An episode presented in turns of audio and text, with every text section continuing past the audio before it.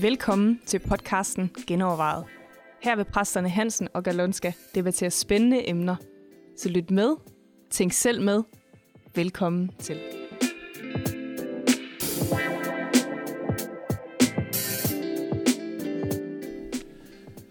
Velkommen til endnu en omgang genovervejet. I dag der skal vi sandelig genoverveje noget så essentielt som dåben.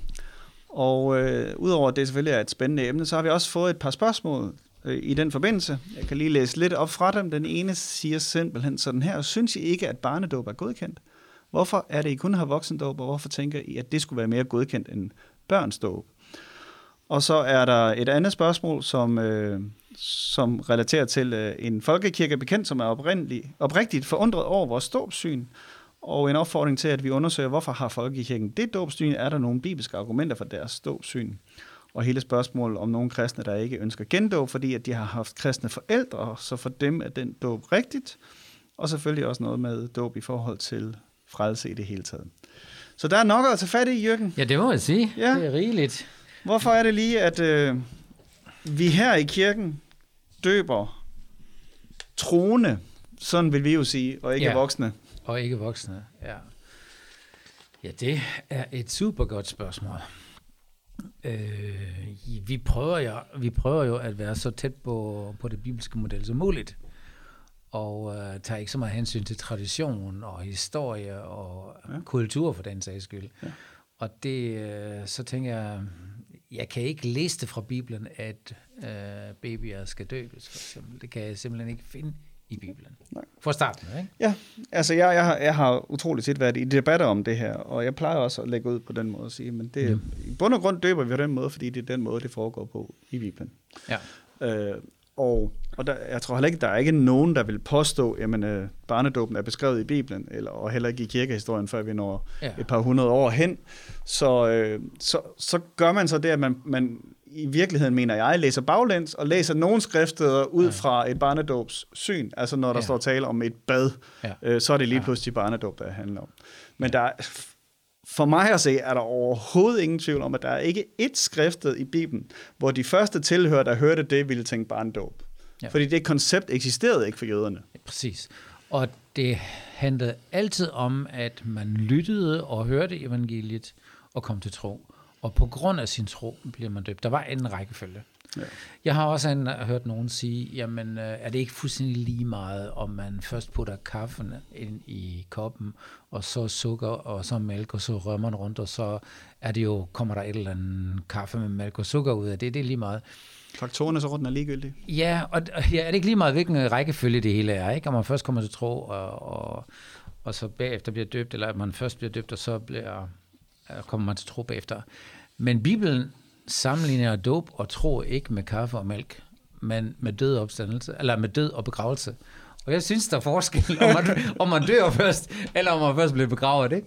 Fordi Ja. jeg vil sige, det andet, det er mor, Ja, man, det man er- slår ind det er ihjel, et ikke? godt Så, argument. så der er et eller andet rækkefølge. i- Opstå før du øh, bliver begravet. Ja, og, ja, ja. Så, så altså, selvfølgelig er det lidt sjovt, men jeg tænker, at der er en rækkefølge. ja. Og øh, det vil sige, at jeg skal først komme til tro personligt, og så... Men det er klart, at et af de store øh, spørgsmål, der er jo, hvad der i virkeligheden ligger i dåben. Ja, Fordi hvis dåben er frelsen, som, som den jo i en eller anden grad er øh, i en, i en mere luthersk sammenhæng, hvor, ja. Hvor det er Gud, der indgiver helligånden ved dåben og sådan noget, ja. Så, så, så er det jo klart, så, så ja. Holder billedet øh, på ja. en anden måde. Ja. Men for mig at se, at den dåb, der er i det nye testamente, en bekendelsesdåb, øh, ja. Ja. ident, jeg identificerer mig med det, Jesus har gjort. Jeg demonstrerer det og dramatiserer det i, i, i handlingen, at jeg dør og bliver begravet og opstår igen. Ja. Ja. Og det er en offentlig bekendelse over for magt og myndigheder, ja. hvad der er sket og med mit det, liv. og det bunder jo også lidt i den frygt, hvad sker der med børn, når de dør? Altså, at man, hvis man har den teologi, at børn er født syndigt, og de dør, altså hvis de, øh, hvis de dør, så, så går de fortabt, så er det klart, så må man jo gøre et eller andet ved det. Ja. Eller så vil man gerne gøre noget ved det, fordi man elsker sine børn, og man mener, at de er egentlig uskyldige i alt det der. Ja. Men øh, jeg kan ikke se fra Bibelen, at små børn er, altså er fortabt. Altså i praksis har, er det heller ikke lykkedes mig endnu at finde nogen, som vil sige det. Altså, Okay, sådan, ja. altså teologisk kan man godt sige det, men Ja. hvis jeg sådan ærligt stiller spørgsmålet, Ja. vil det sige, at du mener, at hvis et lille barn dør Ja. uden at være blevet døbt, så går det fortabt? Ja. Ja. Det har jeg ikke fået nogen til at sige ja til igen. Præcis. Det er der helt sikkert nogen, der vil gøre, Ja. men, men det har jo noget at gøre med hele det her arve synd spørgsmål. Ja. Øh, og, og det kan være, at vi skal have taget en specifik podcast om det, men, men mit udgangspunkt er, at Jesus er død for al verdens synd. Ja. Den, jeg begår i morgen, og den, jeg begik øh, før, Ja. og den, øh, man, der til alle tider er begået. Og dermed så er det ikke den synd, der adskiller os fra Gud.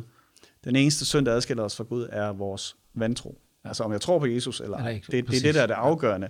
Ja. Og, og børn har endnu ikke en vantro. Ja, præcis. Øh, og det er så Jeg er selvfølgelig enig, ja. diskussionen, hvornår kommer den ind? Ja. Men, men det er jo Ja. samme diskussion, Ja. som troende forældre vil have, der får deres børn døbt. Hvornår er det så, de selv Ja. skal stå til ansvar? For det mener man jo alligevel trods alt, at man skal. Ja. Ikke? Ja, præcis. præcis. Ja.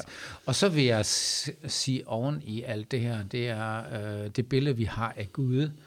Jeg mener helt klart, det vil være ret uretfærdigt af Gud, øh, som ellers påstår af hele Bibelen, at Gud er retfærdig. Hvis øh, det var sådan, at nogle småbørn går fortabt, bare fordi de ikke er døbt, altså så vil jeg jo egentlig rejse verden rundt og døbe små børn. Øh, ja, det burde man da vilje. Ja, næsten mod deres vilje. Det ville være konsekvensen, hvis det her er sandt Ja. så, så skulle man jo egentlig gå rundt og rejse rundt og, og døbe alle mulige børn, fordi så er de for det mindste sikret. Ja.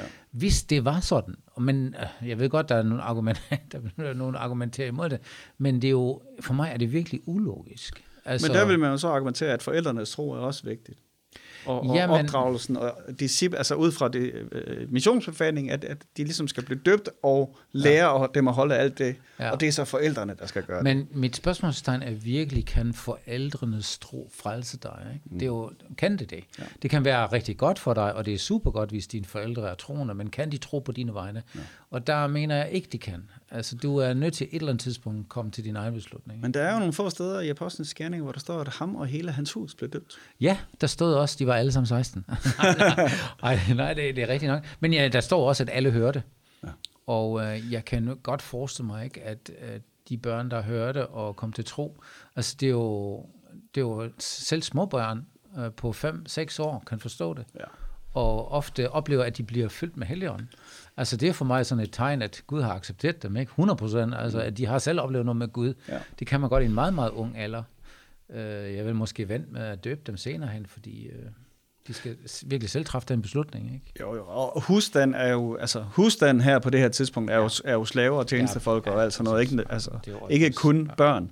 Øh, og vi har en to eller tre steder, sådan, hvor der er tale om ham og hele hans hus.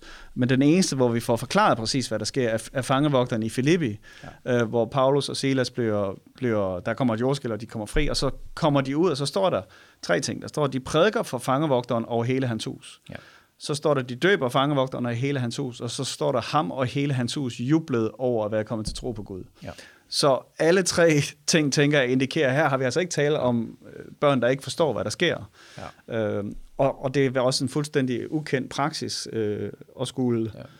At, at, altså børn hørte med til familien på den måde, kan man sige. Ja. Men, men dåb, som vi ser den i Nye Testamente, har- er aldrig forbundet med børn. Så er der så nogen, der vil sige, at det er jo også fordi, vi er i en missionssituation. Altså fordi det er voksne, der bliver overbevist. Ja.